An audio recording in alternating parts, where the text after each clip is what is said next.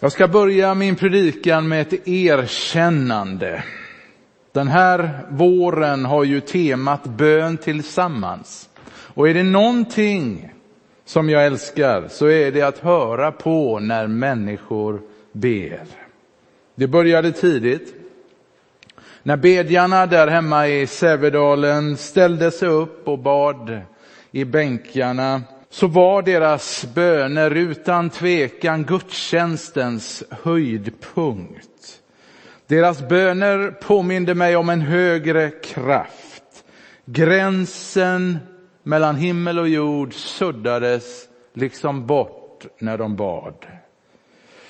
Jag älskar sådana böner, stora böner. Och om stora böner så handlar den här våren, Herrens bön är en sådan bön. Och det är inte svårt att förstå varför. Det är Herrens bön. Och vem vill inte be som han? Den här predikan är den tredje predikan över Herrens bön. Hittills så har vi talat om att när vi ber så bör vi veta vem vi talar till. Vi ber till vår far, du som är i himlen. Gud är majestätisk, helig och samtidigt en i allra högsta grad närvarande pappa. Vi har lärt oss att bön alltid inleds med tillbedjan, något som ofta saknas i våra böner. När vi ber så ska vi säga låt ditt namn bli helgat. Gud är unik och vi bör behandla honom därefter. Idag har vi kommit till den första önskningen i Herrens bön, nämligen bönen låt ditt rike komma. Om låt ditt namn bli helgat är bönens lovprisning, så är låt ditt rike komma bönens rätta ordningsföljd. För bön börjar alltid med Gud, inte med oss själva.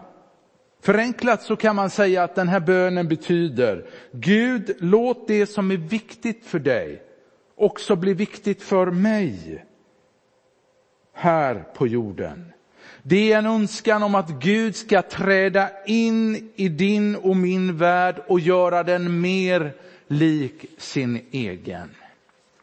Två observationer. Notera hur kort bönen är. Fyra ord. Låt ditt rike komma. Att fatta sig kort har vi sagt och förbli kärnfull, det är en konst. Det är en begäran. Det framgår tydligt i grundtexten där ordet, där verbet står först i meningen. I grekiskan så står det kom Guds rike. Båda översättningarna är riktiga. När vi ber låt ditt rike komma så säger vi Gud jag vet att ditt rike ska komma en dag. Så låt mig ha tålamod eller ge mig tålamod att vänta. Men ibland så är behovet mer brådskande. Vi vill be Kom Guds rike, Herre låt ditt rike komma ögonblickligen bums, här och nu. Vi vet hur saker och ting kunde vara eller hur de borde vara och därför ber vi kom Guds rike här och nu. Vi måste fråga oss, vad är det för rike, Guds rike vi ber om? Du kan fråga tio teologer och du kommer få tio olika svar. Och jag tänker inte ge mig in här på att förklara de olika synsätten. Här och nu så räcker det med att säga att Guds riket är ett oerhört viktigt begrepp i Nya testamentet. Läs de tre första evangelierna, Matteus, Markus, Lukas, så förstår du vad jag menar. Jesu predikogärning började med orden, tiden är inne, Guds rike är nära. Omvänd er och tro på evangeliet. En av Jesu längsta predikningar, Matteus 13, handlar uteslutande om detta Gudsriket. Och Jesus avslutar sin predikogärning med att säga till Pilatus, mitt rike är inte av den här världen. Hade mitt rike varit av den här världen skulle mina tjänare ha kämpat för att jag inte skulle utlämnas åt judarna. Men nu är inte mitt rike av den här världen. Pilatus han sade, du är alltså kung. Jesus svarade, du själv säger att jag är kung. Därför är jag född och därför har jag kommit till världen. Och strax innan Jesus dör så läser vi att han välkomnar en rövare in i Guds rike, i paradiset. Det var för att grundlägga detta rike som Jesus kom. Ett rike bestående av män och kvinnor fullt överlåtna att göra Guds vilja. Ibland när jag hör kristna tala om detta gudsriket så låter det så avlägset, som om det inte hade någonting med oss att göra idag, här och nu.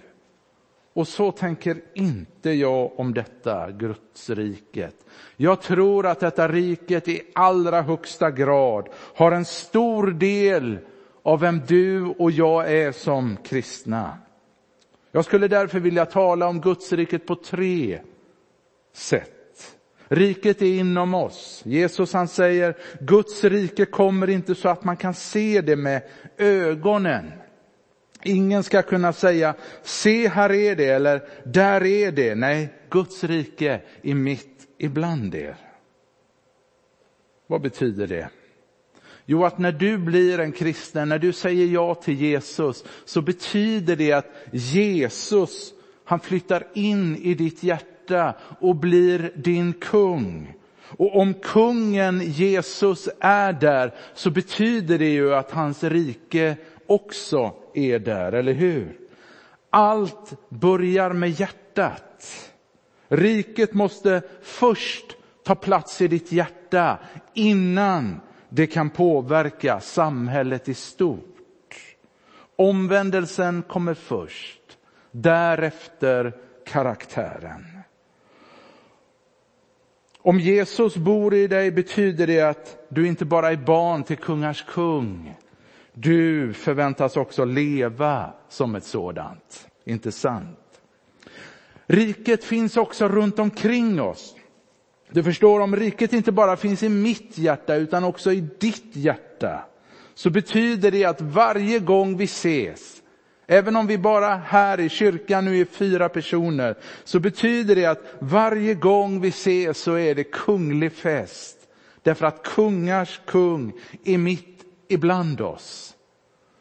Och du vet, fest brukar ju förknippas med glädje.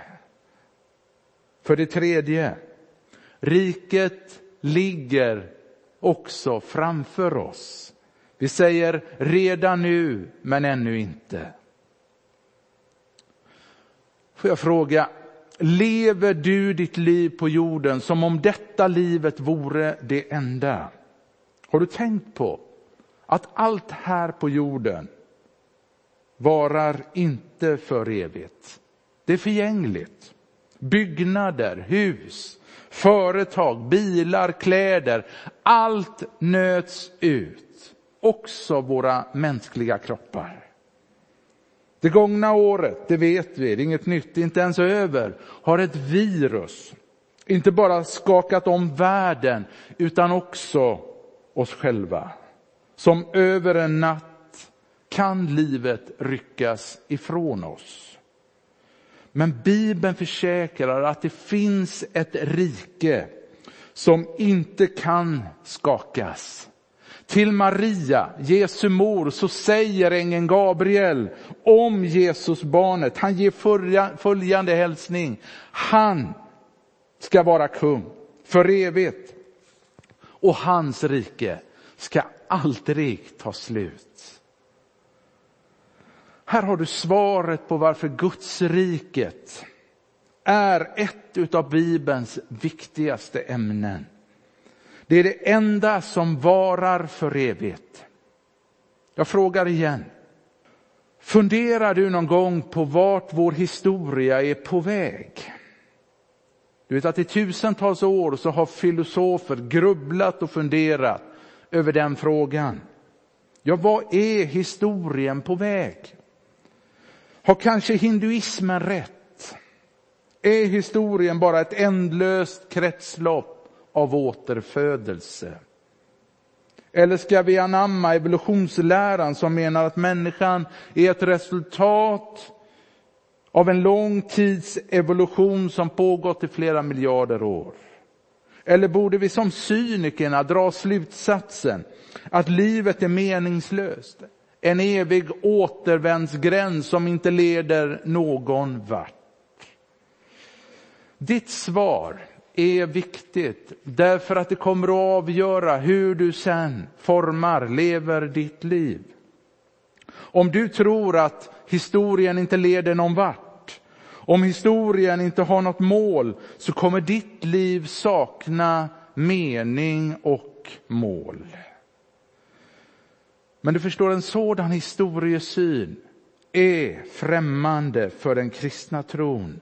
Bibeln lär nämligen att universum har en bestämd början, ett syfte och ett mål. Människans tillkomst var ingen slump. Gud skapade henne med både mål och mening. Vår historia är en enda lång berättelse om Guds plan för det lilla stoftkornet jorden. Vi läser gamla testamentet och vi läser om att profeterna upprepade gånger talade om att detta Gudsriket skulle komma. Abraham fick se en glimt av det, Mose såg det i fjärran. Gamla testamentets författare förutsåg att Messias skulle komma och upprätta sitt rike på jorden och återställa allt. Sammantaget kan man säga att det skulle vara en drömvärld, ett paradis på jorden. Profeten Jesaja skriver om detta rike. Vargar ska bo tillsammans med lamm. Ett spädbarn ska leka vid huggormens håla. Ingenstans på mitt heliga berg ska man göra något ont eller förstöra något för landet. För landet ska vara fullt av Herrens kunskap, liksom vattnet täcker havet. Och från de gamla testamentets författares synvinkel så såg det ut som att detta skulle vara en enda enskild händelse. Men nya testamentets författare kompletterade bilden med två viktiga detaljer. Den utlovade Messias var Jesus Kristus. Och Guds riket skulle fullkomnas först när Jesus, konungen, återkommer en andra gång till jorden. Den dagen väntar vi fortfarande på. Den dagen kan vara idag. Om detta Guds rike handlar hela vår mänskliga historia. Detta riket är målet mot vilket allting rör sig. Det är frälsningshistoriens sista kapitel som tog sin början i Edens lustgård. Att be Låt ditt rike komma innebär att be Gud skynda på den dagen när Jesus ska komma tillbaka som dess rättmätiga kung. Detta detta är vad vi kristna tror. Vi läser i Apostlagärningarna 1. Denne Jesus sa änglarna till lärjungarna som togs upp från er till himlen ska komma tillbaka på samma sätt som ni såg honom stiga upp till himlen. Denne Jesus som för drygt 2000 år sedan vandrade på jorden, som for upp till himlen, han ska återvända hit. Vem är han? Denne Jesus som ska komma tillbaka på samma sätt som han for härifrån. Jo, det är samma Jesus som vandrade längs med Galileen och Judeens dammiga vägar som botade de sjuka, gav de blinda syn, fick de lama att gå, som renade de orena, som mättade över 5000 med en handfull bröd, som berättade för en laglärd att han behövde bli född på nytt, som gick på vatten, stillade stormar. Denna Jesus ska komma tillbaka till jorden, fast i en ännu mer strålande och klar gestalt. Nästa vecka är det påsk. I mitt hemmakontor så hänger en skoltavla målad av Julius Kronberg. Den heter Jesu korsfästelse och den visar hur Jesus nyligen blivit nedtagen ifrån korset. Vi kristna tror att denne Jesus, tavlans centralfigur som dog, begravdes och uppstod bokstavligen ska komma tillbaka personligen och kroppsligen. Det är ingen saga utan ett faktum. Vi kristna är inte heller blinda för den här världens ondska. Vi vet att även om Jesus besegrade Satan på den tredje dagen när han stod upp från de döda, så har Satan ännu inte gett upp kampen om mänskligheten, i alla fall inte än. Världen är fortfarande en väldigt mörk plats. Även om Satan är besegrad så pågår en andlig strid i den här världen. Den pågår i oss och omkring oss. Men på plats efter plats så upprättar Jesu lärjungar i kraft av den helige ande himmelska enkla utposter som en påminnelse om att en bättre värld är på väg. Över hela jorden i dessa enkla himmelska utposter som den här så ber Jesu efterföljare, låt ditt rike komma.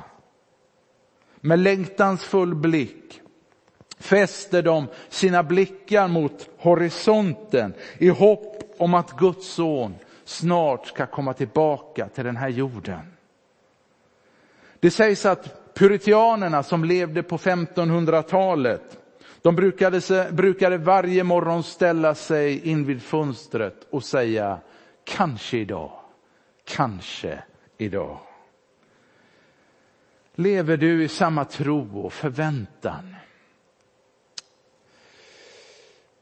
Ännu går vi i väntans tiden, men Herrens dag den kommer och vet du, jag tror inte den är långt borta. Just därför är Guds riket så viktigt. Det är ingen tillfällighet att begäran om riket nämns först av alla önskningar i Herrens bön. Johan, hur tänker du? Jo, för det är den begäran som har med evigheten att göra. Din och min evighet.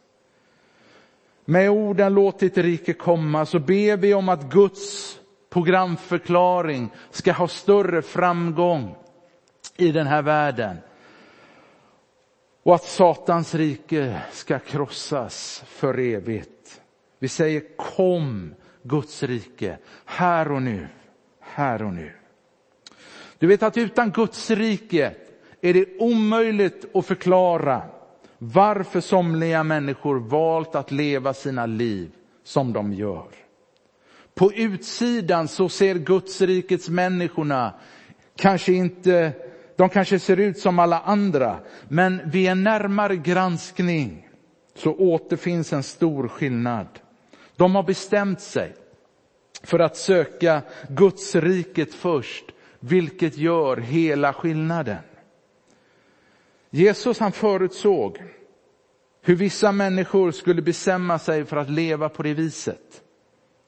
Han säger, jag säger i sanningen, var och en som har lämnat hus eller hustru eller syskon eller föräldrar eller barn för Guds rike ska få mångdubbelt igen redan i den här världen och sedan evigt liv i den kommande världen.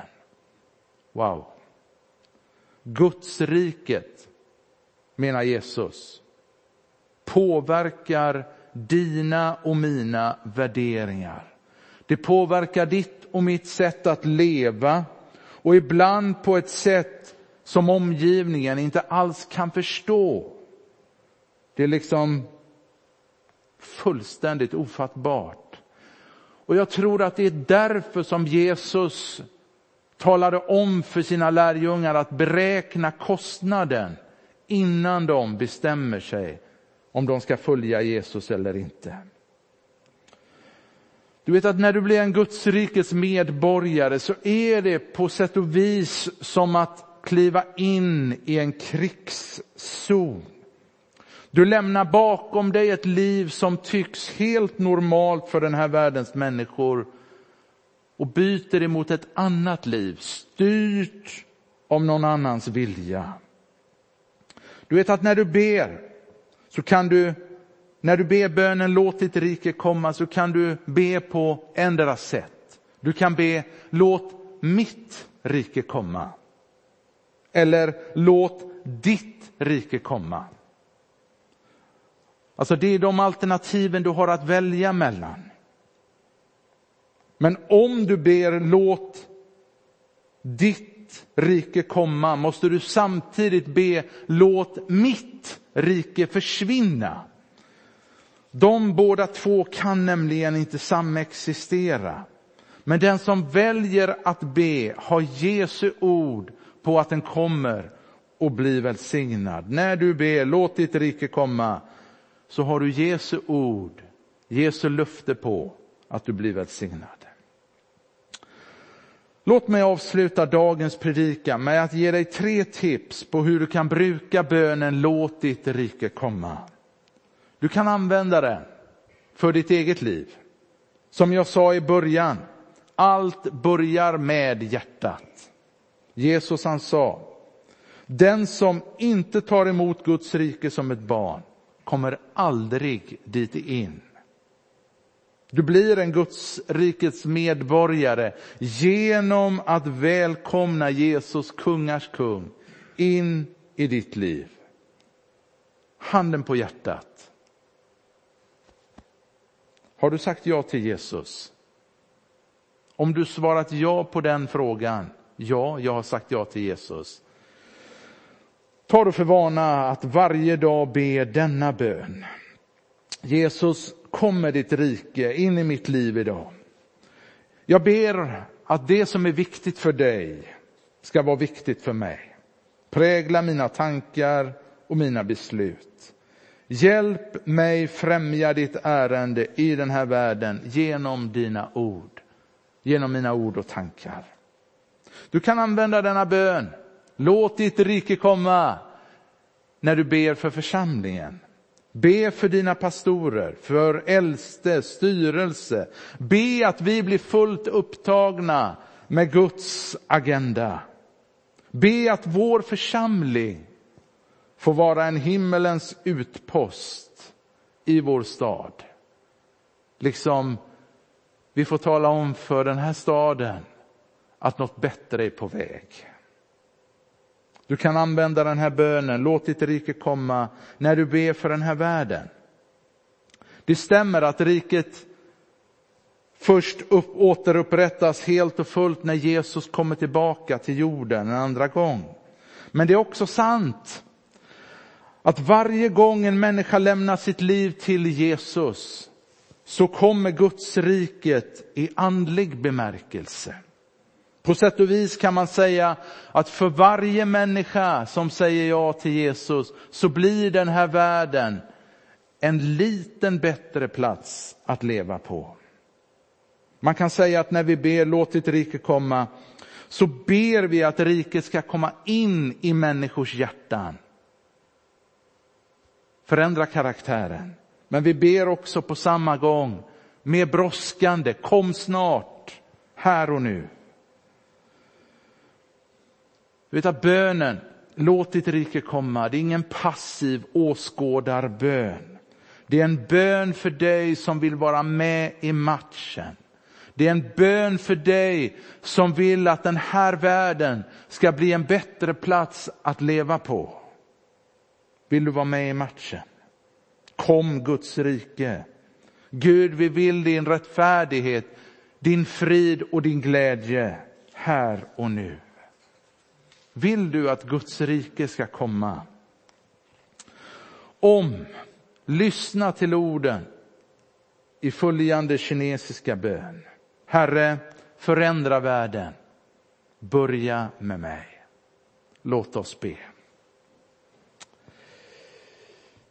Himmelske far, tack för att Satan inte ska få sista ordet. Kom, Herre Jesus, kom snart och upprätta ditt rike på jorden. Hjälp oss leva som rikets barn här i världen i väntan på din ankomst. Hjälp oss att inte bli för hemmastadda här nere på jorden, utan hjälp oss att ha himlen för ögonen under vår pilgrimsvandring. Vi ber så i Jesu namn. Amen. Tack alla medverkande. Anders, Jakob, John som har suttit vid tekniken. Tack du. Jag vill pålysa om att i veckan så har vi en hel del påskgudstjänster här. Du har möjligheten att kunna boka dig för Getsemane-firande här i kyrkan. Det finns länkar som har gått ut i veckobrev och de kommer också att ligga ute på våra sociala medier. Och det är grupper av åtta, väldigt coronasäkert alltsammans. Sen så har vi digitala gudstjänster långfredag och påskdagen. Till slut, ta emot Herrens välsignelse. Herren välsigne dig och bevara dig. Herren låter sitt ansikte lysa över dig och vara dig nådig. Herren vänder sitt ansikte till dig och ger dig av sin frid. I Faderns och i Sonens och i den helige Andens namn. Amen. Får du gå i frid och tjäna Herren med glädje. Tack för idag.